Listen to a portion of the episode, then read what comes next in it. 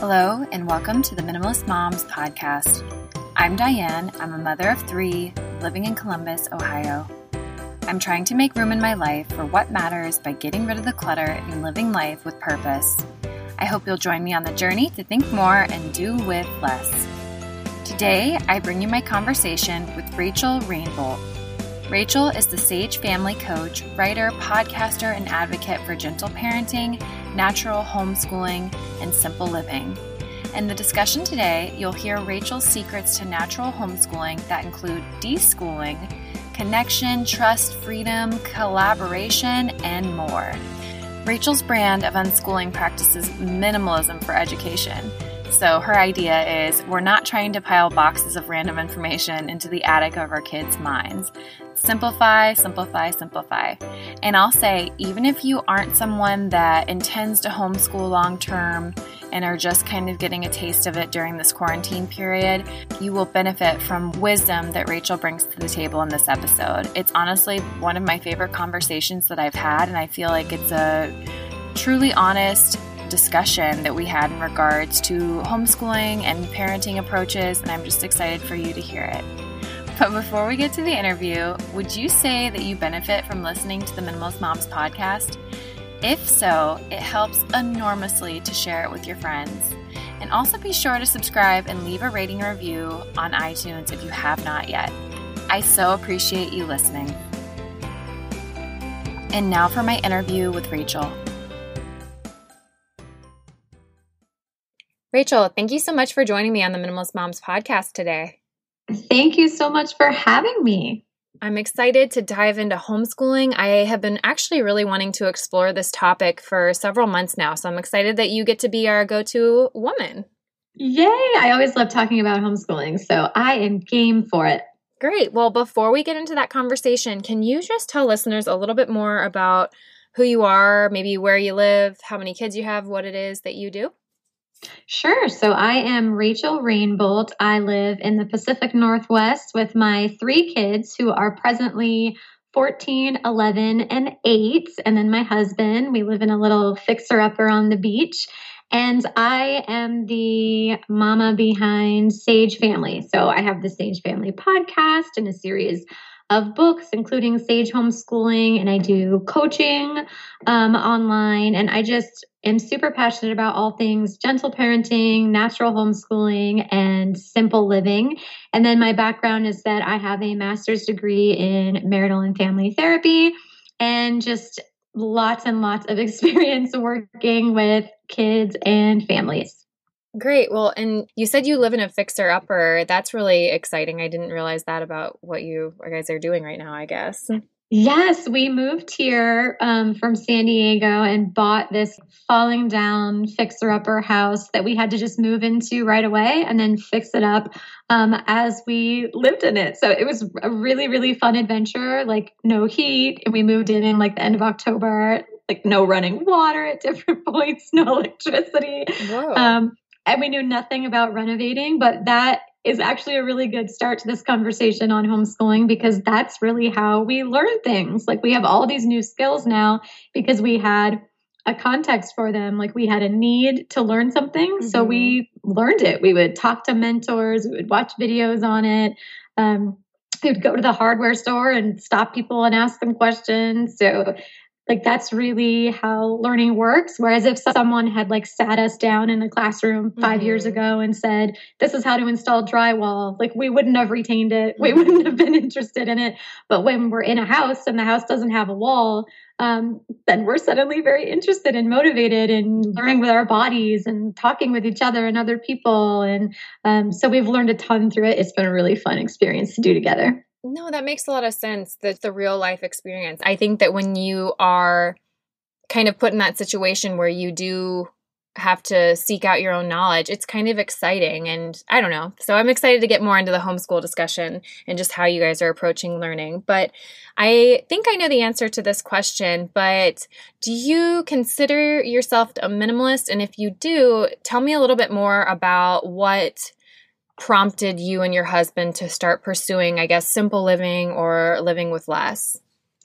Yes, I do consider myself a minimalist. I've list- I'm a longtime listener of your podcast, and I know a lot of people sort of like hedge their bets around that word for some reason, but I do not. Yes, we are definitely minimalists. Um, I think I have always sort of had that natural um, inclination. I remember one time when I was younger, my mom, we had this like three car garage, and the third car part of it was just full of crap and I was trying to encourage my mom to let go of some of the stuff and telling her I could help her organize it and we could have a lot more space. And um, she sort of said in defensive reaction, Well, if you're willing to get rid of all your childhood toys, then sure.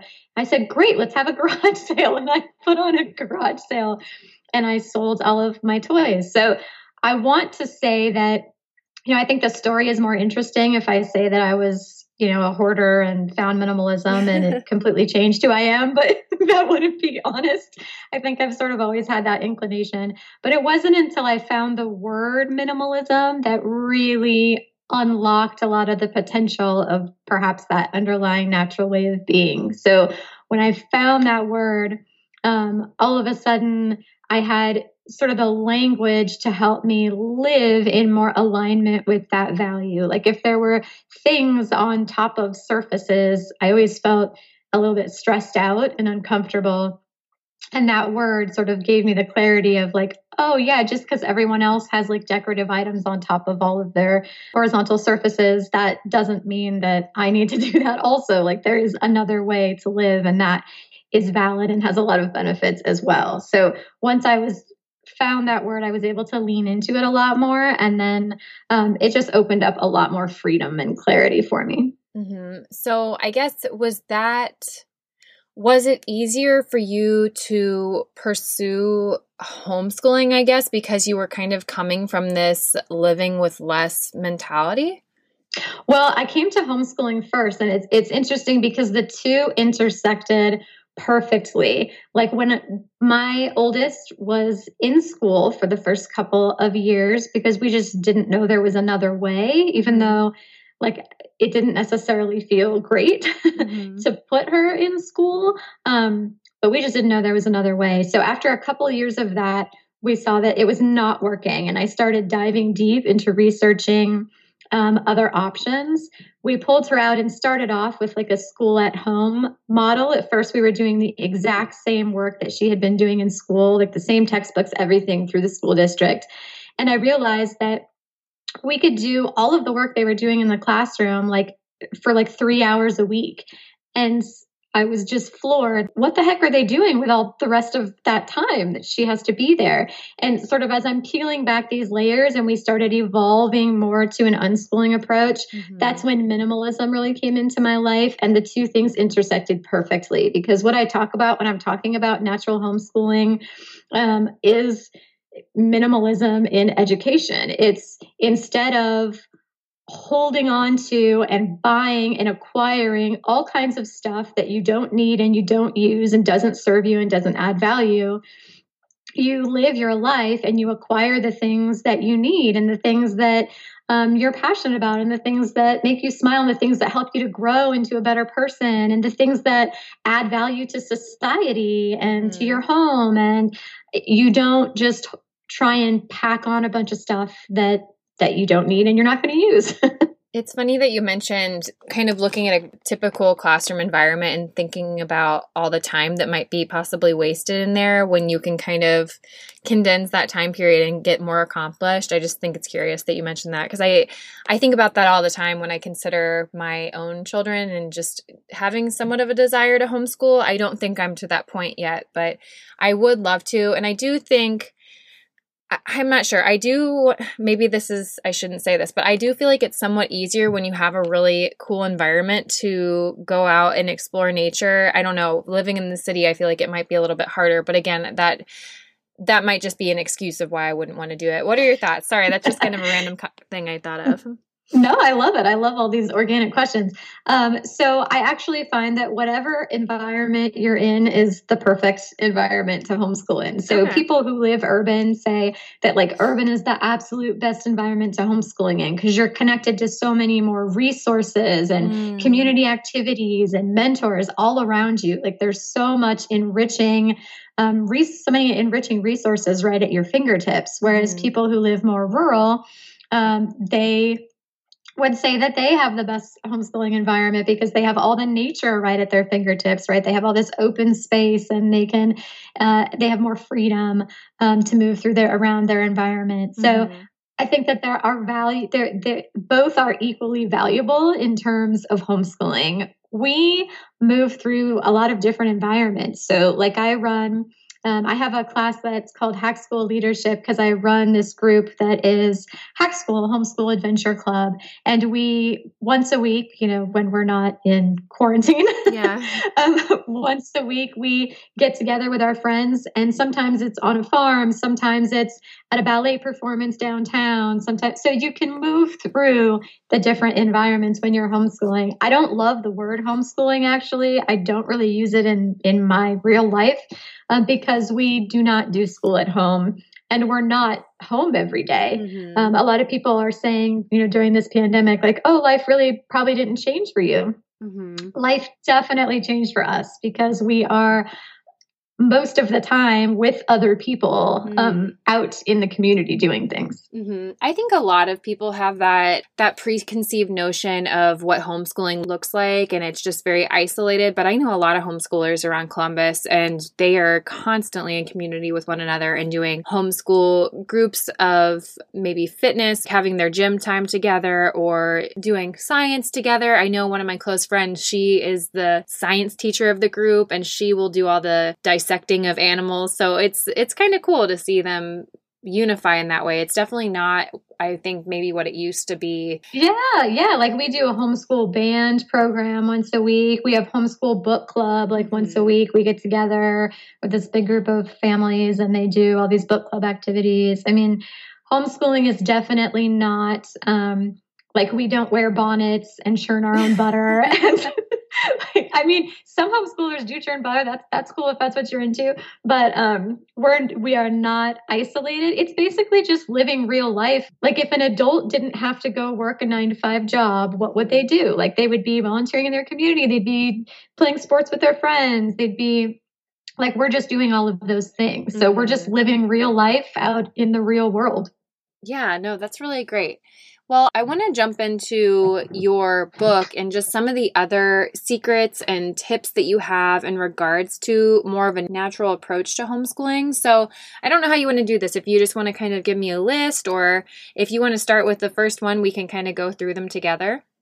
Sure. Yeah. Okay. So in the Sage Homeschooling book, I, I each chapter is what I call like a secret to to homeschooling, and the first one is deschooling, and deschooling is really the the first and it's a really important step along the journey and it's where you just kind of shake off all of the educational programming that weighs you down i found that my biggest enemy in our homeschooling peace and success was just my own baggage, mm. really. Like a lot of false uh, beliefs and expectations and assumptions that once kind of like a house of cards, like your understanding of how children learn. And once you start pulling cards, really the whole house starts to fall down. So the first secret is really just to be really brave and willing to question everything that you think you know about what learning is and how children uh, best live and learn. So the next one is connection. Um, you want to maintain your relationship focus on connection. Um, I think The connection piece gets a lot of attention in the early years, right? We we we all seem to understand now the value of c- having a secure connection and relationship with kids when they're younger, but then everyone sort of assumes that when they're like 5 that suddenly stops. Mm. and it it does not suddenly stop. Their need for connection continues. So it's just bringing in the relationship piece that that is at the center of all of it. Um, every word I speak to my kids runs through a filter of like, is this going to enhance our connection or is this going to hurt our connection because nothing is neutral. You're either moving toward each other or away from each other. So just to keep that at the center of everything that you do. Like if you're trying to get your kid to do a math worksheet and you can see that the words you're saying are hurting them and you're and and like the, the math worksheet is not more important than your relationship. Like mm-hmm. to just have that be center. Mm-hmm. i'm thinking of mothers that are somewhat similar or have similar personalities to their kiddos and just would find that to be overwhelming. Maybe they don't get along as well. Like maybe they butt heads. Do you think that maybe they shouldn't pursue homeschooling? I guess. No, I think I would thoughts? say that then you you would be the type of dyad who would benefit most from it. Oh. When that happens, because I've been doing like parenting coaching with families for many many years. When that happens, it's because you have too many other things that are weighing on your relationship that it, it's preventing you from being in harmony with each other. Mm-hmm. And minimalism is really important here. So when when there's a parent and child that are sort of locked in conflict, we need to clear away all of the relationship clutter. Mm-hmm. Um, like if your whole life is transitions and trying to get out the door and trying to make them do things that they don't want to do, it can be hard to feel connected like in mm-hmm. in goodness and in a nurturing way so mm-hmm. if you can clear all of that clutter away and homeschooling really allows you the freedom to do that then you get to actually attune to each other and get to know each other and get to see you know every every challenge is, a coin and the flip side of that coin is a strength and mm-hmm. so you can actually start to get to know your child in a new way from like a point of curiosity and start to get get curious and wonder how these things that have felt challenging to you within the framework you were locked in before how they can actually be strengths and how you can shift your relationship to them and and I have this thing I talk about the Venn diagram of needs. Mm-hmm. Um, there's often a lot of conflict in relationships when we're not living in the middle. You know, you have like your child's needs and your needs. There's a place where those overlap. Um, and there's a lot of harmony and living in that center place. And when we're locked into the really busy lifestyles that a lot of times schools sort of force you into, um, it can be really hard to get to that place. Mm-hmm. Oh, that's so interesting. Yeah. And I also think that if you are maybe you're setting off on the wrong foot one morning, then you have the freedom to kind of say, let's take a break. Let's go either be in nature or go do something that we both want to do together and come back to the schoolwork. And we have the, we have the ability and freedom to do that with homeschooling. Exactly. If you're, if you're walking down a path, rushing to get to some, you know something uh, that you're supposed to be at a certain time and your kid sort of drops onto the ground and says mama look a caterpillar. Mm-hmm. You know, if you are locked into a really rigid schedule, which again, schools often mandate, you instantly have to switch into a, a control and a power battle. Mm-hmm. Whereas when you're in this homeschooling lifestyle, you can just drop your bags and sit on the floor with your kid for five minutes and talk about the caterpillar. Mm-hmm. Um, and interestingly, if you do that, you will get to your destination. You will end up getting to your destination faster mm-hmm. than if you shift into power battle and control mode and try and drag them there.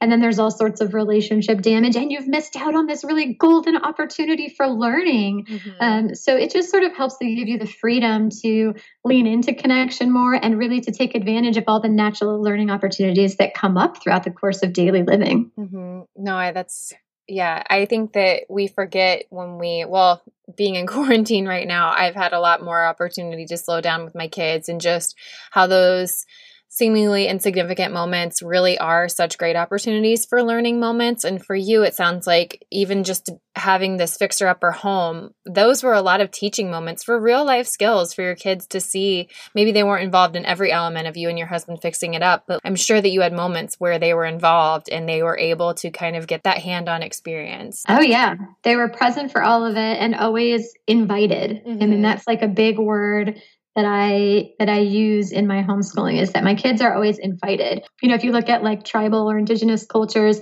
the children are included in all of the aspects of daily living. Um, and in our society, we really ostracize them from that. Mm-hmm. Um, and so that's part of the gift of natural homeschooling is that children are present for all of that. We're going to the bank to refinance our house, or if we're fixing plumbing under the sink, like they're mm-hmm. they get to be a, a, part of all of that in a way mm-hmm. that a lot of kids don't get Well, and they can see that it, it it can be done themselves, maybe without having to necessarily outsource. If there's a problem that comes about, you can find the answers together. Whereas in a classroom setting, you might not be able to get to that question that that child might have because you have 30 other students that have different questions. So it is very much I feel like tilted towards the individual and more life experience that they might need. Absolutely. And every every human being learns in a different way. Mm-hmm. I mean, you're talking about like being able to personalize it and individualize it.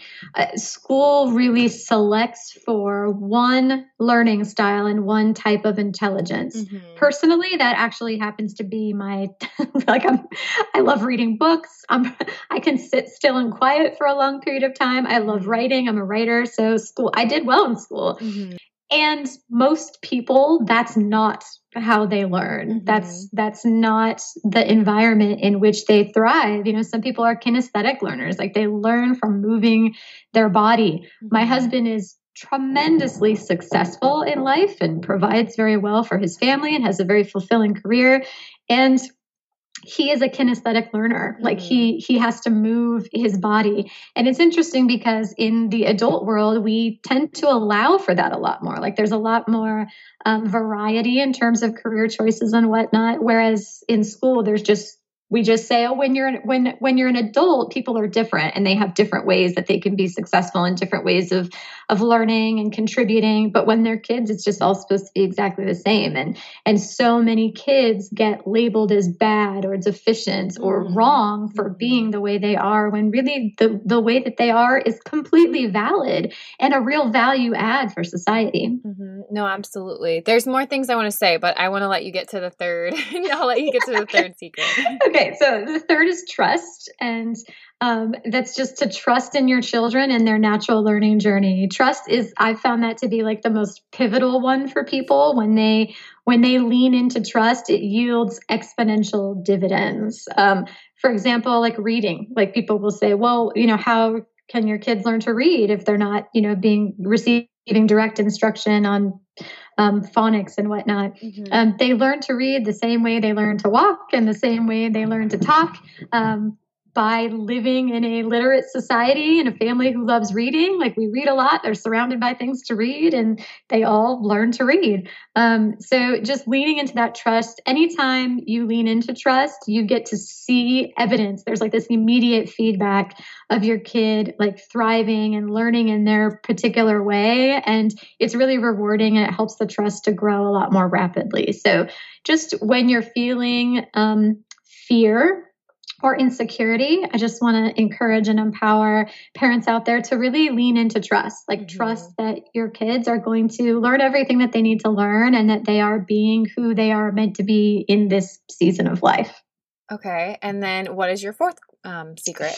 Freedom. So embrace the freedom that fosters meaningful productivity and independence. And as minimalists, who are out there listening, you should totally get this that if we are filling in all the space, then there's no room for our kids to grow into mm-hmm. independence and self direction. Mm-hmm. You have to mm-hmm. give them the freedom. You have to lean back and hold open space mm-hmm. and find the yes and give them that room to explore and to grow and to be independent and to take ownership of their learning and their their growth. Mm-hmm. I want to play devil's advocate here. So I'm definitely on board with giving my kids freedom. And oftentimes I'll just let Charlotte, uh, again, she's five, so she's plenty old enough to do this, but she'll just kind of go out into the backyard and do her thing. Or I like to give her a lot of freedom. When we're in the woods, I just kind of let her go ahead of me and let her explore. All that to say, I know that there are certain schools that allow children the freedom to say if they don't want to be in the classroom, hey, I want to go outside, and they allow the child to go outside. But for me, I think that there is a certain familial structure that needs to be in place to where, yes, you can have your freedom. I give you that freedom. I want you to assert that independence, but also know that I'm head of the household. I guess I don't know what my question is. What are your thoughts on that? Yeah, so I think freedom is probably the the one that society is most uncomfortable with. Mm-hmm. So I would say like if you are feeling uncomfortable as I'm talking about freedom, know that you are not alone from a psychological perspective, I I get a lot I, I i get a lot of fun out of like digging underneath that why that's so uncomfortable for people mm-hmm. for most of us who were raised on the mainstream parenting and schooling path we were very disempowered and we were not given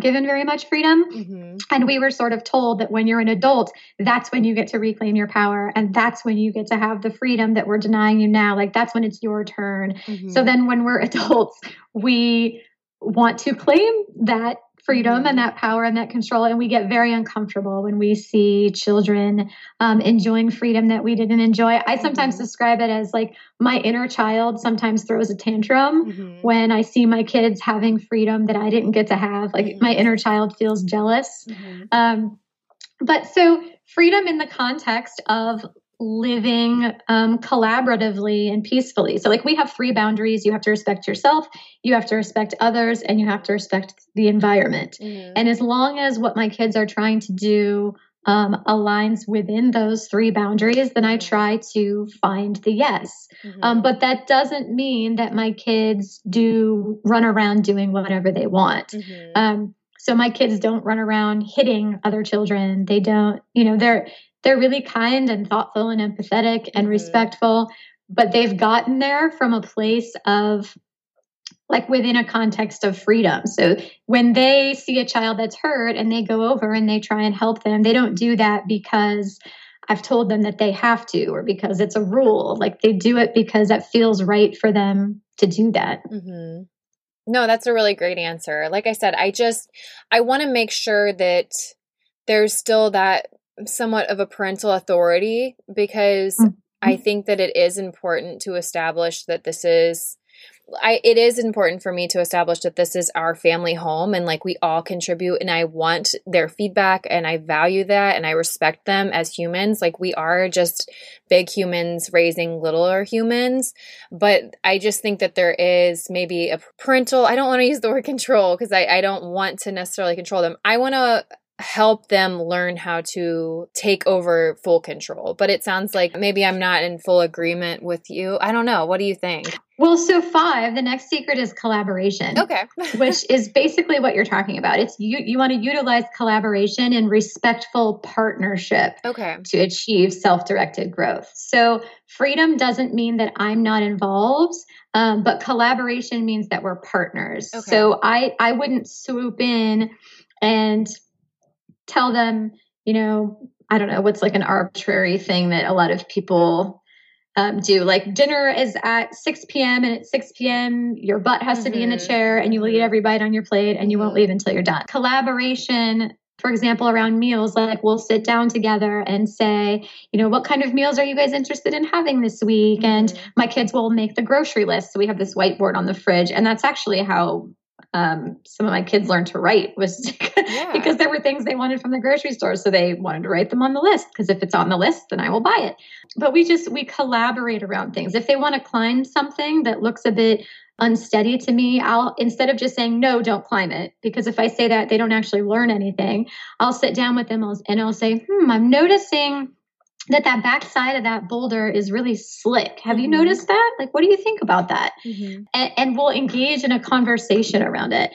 And yes, ethically and morally, that feels right to me, but it's even more so about what's effective to my long term goal. Mm. Like, my, my goal is for them to be able to I, I don't want to raise kids that just obey an adult, uh, obey an, a person in a position of authority. I want mm-hmm. them to be able to think for themselves mm-hmm. and to be able to suss out um, what is safe and what is not, and why is it not safe, and what can I change about my approach or the environment to make it more safe for me to engage in that activity? Mm-hmm. Because that ends up keeping them safer in the long term, and that ends up creating more responsible global citizens mm-hmm. than people who just obey whatever person is in authority. No, I really love that. And I think I try and do that as well, or just would have the desire to maybe work on the heart as opposed to the obedience factor. I don't want you just to obey me because I'm the adult or I'm the parent. I want you to obey me because in your heart you've built the character to know better. I don't know. yeah, well, and there's this beautiful thing that happens where when you trust your children and you focus on connection and you give them freedom and you collaborate with them, when you do say no, they trust that there's a really good mm-hmm. reason for it. Mm-hmm. So, like maybe 90% of the time, I find the yes. Mm-hmm. And so then 10% of the time, like if I yell stop, mm-hmm. like they stop yeah. because they trust that I don't go around telling them no all day long. Like, no, don't touch that. No, don't go there. No, you can't do that. Mm-hmm. And so if I say it, like they trust that there's a really good reason that I'm saying it, you know, so then they'll stop and then they'll like they'll wait for me to catch up and they'll say like what's going on you know mama what's the danger and i'll explain to them you know the reason behind why but my children are actually i would argue more obedient because i don't parent and educate them from a paradigm of like top down power and mm-hmm. coercion because they they have freedom and I respect them and we collaborate around things. So every once in a while if I have to um, throw down a no for something really sudden and important or or if we have a conversation and ultimately i have a perspective that they don't yet have and i i say it has to be a certain way they trust that there again that there's a really good reason for that even if they don't quite understand it in that moment because i don't do it all the time around mm-hmm. things that are completely arbitrary. Absolutely agree with that. I love the idea of looking for the yes and how we can collaborate and compromise and communicate because I think you're right. I think when they hear no, no, no, no, no, or that they're not getting their way, it's like, well, I'm going to hear no no matter what I do. So therefore, I'm just going to do whatever I want. And then your kids are really disobedient and really, exactly. it just that. makes you the enemy. Yeah. As opposed to, your kid having a relationship with this thing like mm-hmm. say you're mm-hmm. say we're talking about food like if you're the one that's always saying like no no no no no no no then that teaches them just not to try to eat those things around you and then when you're not around they're going to eat them all the time and it also inserts you between your kid and food Whereas if we don't do that, if we don't get in get in our own way, kids develop this great brain body connection. They have this really healthy relationship with food, and the same can be extended to like learning and other things. Like on the on the collaboration front, I sit down with my kids once a season and we talk about I ask them like what do they want to learn? What do they want to practice? What are they interested in? What areas do they want to grow? What challenges are they experiencing that we can build and support for? Um, just all those kinds of things. That's collaboration to me. So mm-hmm. I am providing materials and and encouragement and and holding the space for the ways in which they want to grow. So I suppose the like you're saying like I'm the parent and I have authority part mm-hmm. is that I am sitting down and creating the framework for mm-hmm. what things do you want to learn more about? Yeah. Like yeah. I'm the one who's asking that question. Mm-hmm. And then I'm the one that is helping to provide the means for them to answer those questions. But they mm-hmm. are the ones who are coming up with the ideas and who are actually growing themselves. Are you looking for the perfect gift for mom or another loved one? It's always a struggle for me to come up with something special for Mother's Day. I always want to be intentional about gift giving, and if I'm not gifting an experience, I want something tangible that will bring her repeated joy. That's why the skylight frame is a wonderful choice to give. Nowadays, staying in touch with those we love is more important than ever, and the easiest way to do it is with Skylight, a photo frame you can email photos to anytime from anywhere. You can preload the frame with your favorite photos as a special Mother's Day gift. It sets up effortlessly in under 60 seconds. Just plug in, use the touchscreen to connect your wireless network, and enjoy. I love how sending the photos is effortless, and anyone in the family can send photos to mom's skylight and they'll just pop right up to her home in seconds. I'm so excited to give this gift because it's something that I know will bring my mom joy each day as she receives photos of her grandchildren that both my sister and I can send to her, and she can just scroll through at her leisure or have them continuously scrolling. Now, as a special holiday offer, you can get $10 off your purchase of a skylight frame when you go to skylightframe.com skylightframe.com slash mm and enter code mm. That's right, to get $10 off your purchase of a skylight frame, just go to skylightframe.com slash mm and enter code mm. That's S-K-Y-L-I-G-H-T-F-R-A-M-E dot com slash mm. And now back to the interview.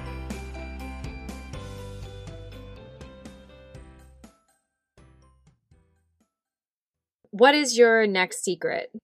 Um, environment. So all of the minimalists out there obviously already are are super in tune with this one, mm-hmm. um, but just to fully realize the environment as a valuable tool for playful learning. Mm-hmm. So simplifying the environment, um, setting it up for your specific kids' needs, um, and then planting and featuring things in the environment based on your kids' like interests and sort of natural way of being. Like my youngest is really gross motor. So we have like a mini trampoline and we have these tumbling mats. Um, and like if your kid's really into art, then to have like different art materials available and accessible. Mm-hmm. Um, but again, bringing in that minimalism piece, you don't need all the things all the time. So keeping it very, very simple. Mm-hmm. Art supplies is a good example. Sometimes, you know, if a parent will have a kid that's really into art, they'll have like 5,000 art tools and materials. Mm-hmm. And then it's just chaos and they end up just dumping them on the floor all the time and it's a disaster and nobody can really work when there's so much clutter, right? Mm-hmm. So just to simplify all that and have like I might have out um, oil pastels and drafting paper mm-hmm. and a vase of flowers on the table and um, a snake skin. Like, mm-hmm. okay, so like I'm placing these materials to, together in interesting ways and inviting my kids to engage with those materials and just letting go of my attachment to the outcome of what happens with them. Mm-hmm. Um, but you have to really simplify things first and then just rotate in different materials and items together and see what it sparks in your kids. Yeah, absolutely. And I think that when their environment, like you said, is cluttered, it just adds decision fatigue because they're like, what should I play with? I don't know. I have so many options. I don't know. So therefore, I won't make a decision, or therefore, it's going to take me a long time to make that decision. So I do like simplifying the environment. I try to do that as much as possible here, too. I think that's a great tip. Exactly. And then when you like rotate in different things and mm-hmm. put things together in interesting ways, mm-hmm. it's like it, these amazing fireworks go off for your kids. Mm-hmm. So, like, I brought out the other day, like, the box of kinetic sand oh, yeah. and um, dinosaur figures. Mm-hmm. And my kids, like, created this whole landscape with, like, fossils on one side, and the Lego minifigures were, like, excavating the fossils. But on the other side of the hill were, like, dinosaurs still living, and there was this whole story behind it, and they filmed it. Mm-hmm. And that was all literally all I did was put kinetic sand and dinosaurs on the table next to each other. That's mm-hmm. all that I did. Mm-hmm. And all this learning happened from that. They were looking up like what periods they were there for. It was just, it was this great learning experience from just me putting a couple of things together on the table. Mm-hmm. That's where their imagination can just kind of run wild. So I'm definitely yeah. with you on that. All right. I think we have, do we have two more? Two more. So okay. seven is experiences, and that's just to live a fun lifestyle of learning through rich, adventurous experiences. If you follow me on Instagram, you know we are all about the experiences. So just like real life, fun, adventurous experiences together as a family, that is the best learning experience. Like the most lasting, meaningful learning I have found happens for my kids through like micro adventures or traveling. Mm-hmm. So just to keep that as one ingredient. And then the last one is just um, kind of redefining success. So to set your compass for growth and success in all the ways that matter most. So to not get tangled up in arbitrary timelines or things like that and to really set your compass toward like what matters to you and that might be different from family to family but for us it's like to be to be successful means to be healthy and happy and to mean be able to meaningfully contribute to society in a way that plays to your strengths you know i'm just pulling this off the top of my head here but mm-hmm. something like that like so if that's what success means in our family then the choices we make today are going to be in service of that definition of success mm-hmm. Oh, these were all really, really good. You're making me want to homeschool. My husband, I, my husband's a public school teacher, and that was what my degree was in prior to having children. Like I said, I've always contemplated it. It just seems like such a big task, which is actually my next and last question for you. Is I guess how would you encourage someone that's kind of been on the fence or teetering back and forth of whether or not they may want to pursue homeschooling? Teachers and professors are actually the fastest growing population of homeschoolers. Mm-hmm. Most homeschoolers today, both parents have college educations. My husband and I both have graduate degrees. Mm-hmm. Um, so there's this this big wave of highly educated people who really understand learning and have sort of seen it from the inside who are moving into homeschooling. So for people who are considering it, I would just say sit down and design like your dream family life. Mm-hmm. like like what would your dream family life look like? What would the lifestyle look like? What would the days look like? And just live that. Mm-hmm. homeschooling isn't something that you that you add on to your life. It is it is a way of living with mm-hmm. children. That's all it is. Yeah. So it just really gives you the freedom to live the life of your dreams. As you were saying that I was thinking this doesn't necessarily sound like something that would be just something that I approached from 8 to 4. This sounds like more of a way of life and you you said it right there. So Yes, that's exactly it. Like learning stuff. The other night my kid came into our room at like midnight and she had been listening to some audiobook and just threw down like this incredible like life question that led to all this like deep dive into all these other things mm-hmm. like it's really it's not something that you sit down and enforce or something that it's not a burden like it's mm-hmm. just it's just a it's a way of moving through life in mm-hmm. everyday state of wonder mm-hmm. like that's really that's really what it what it boils down to yeah well, if listeners want to connect with you, where can they find you online or pick up a copy of your book? Yes. So rachelrainbolt.com is my website. Everything is up there, but the Sage Homeschooling book is also on Amazon. Um, I do homeschool coaching over at rachelrainbolt.com. And then I'm really active on Instagram, sharing our adventures and our minimalism around our home. And I'm over on Instagram at sage.family. And then people can listen to a conversation I had with you on my Sage Family podcast. Great. And people should definitely follow along because you have just such a gorgeous feed. Like I said, the Pacific Northwest is just, oh, I'm very jealous of your environment there. thank you. And thank you for having me. This has been a really great conversation. Yeah. Um, real quick, as we wrap this whole thing up and tie it with a bow, what would you say is something that you've been minimizing this week? What is your minimalist moment of the week? Finances. So money is like a, a, definitely part of minimalism for me. I see that as like a part of simple living. Mm-hmm. Um, and we are like debt free, and I'm such a money nerd. And um, we just the other day refinanced our mortgage and anticipate that we should be able to get it paid off in the next few years here. So that's like the thing I'm super excited about. I'm just I'm such a money nerd. No, that's really exciting. Congratulations. That's really exciting. Thank you. yeah. And then last question is what is something that you can't stop talking about? And this can be in regards to minimalism, simple living, or it can just be something you're really excited about.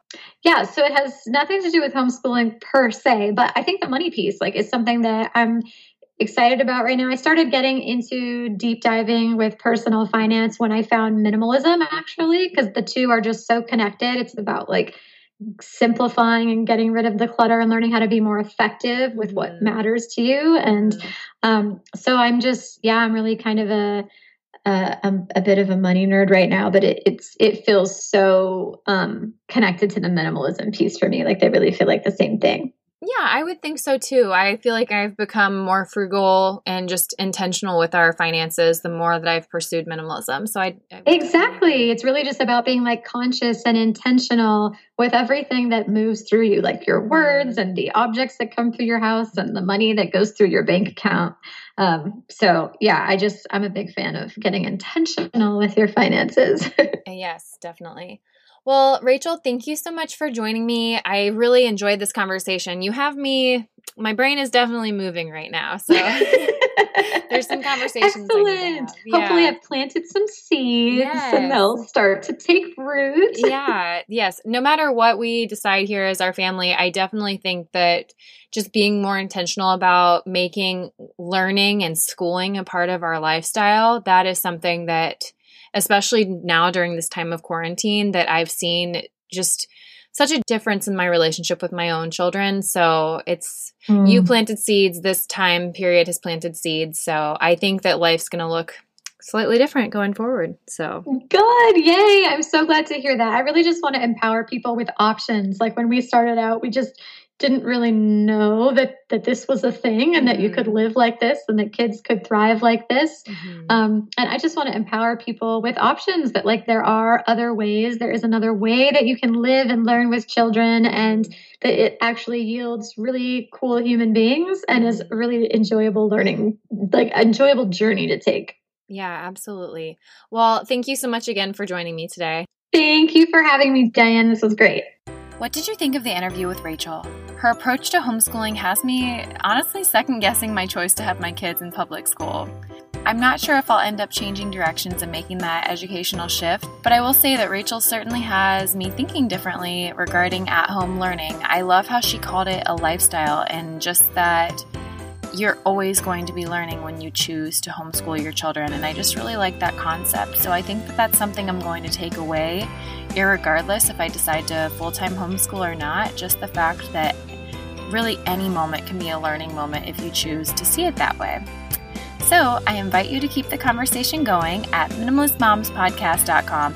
There you'll find links to the Facebook page, Instagram account, and where you can find me all around the web. Join me back here on Thursday as I bring you my conversation with Kate Crocco. Kate and I discuss her new book, Thinking Like a Boss. We'll discuss the difficulties that women face when launching and running their own businesses. How can we overcome limiting beliefs? How do we discern whether or not to take an opportunity? How do we start before we feel ready? And I'll say, even if you're not interested in starting your own business, this episode is full of confidence boosters that you'll be glad to have heard. Thank you for joining up on this journey. I wish you a lovely week as you think more and do with less.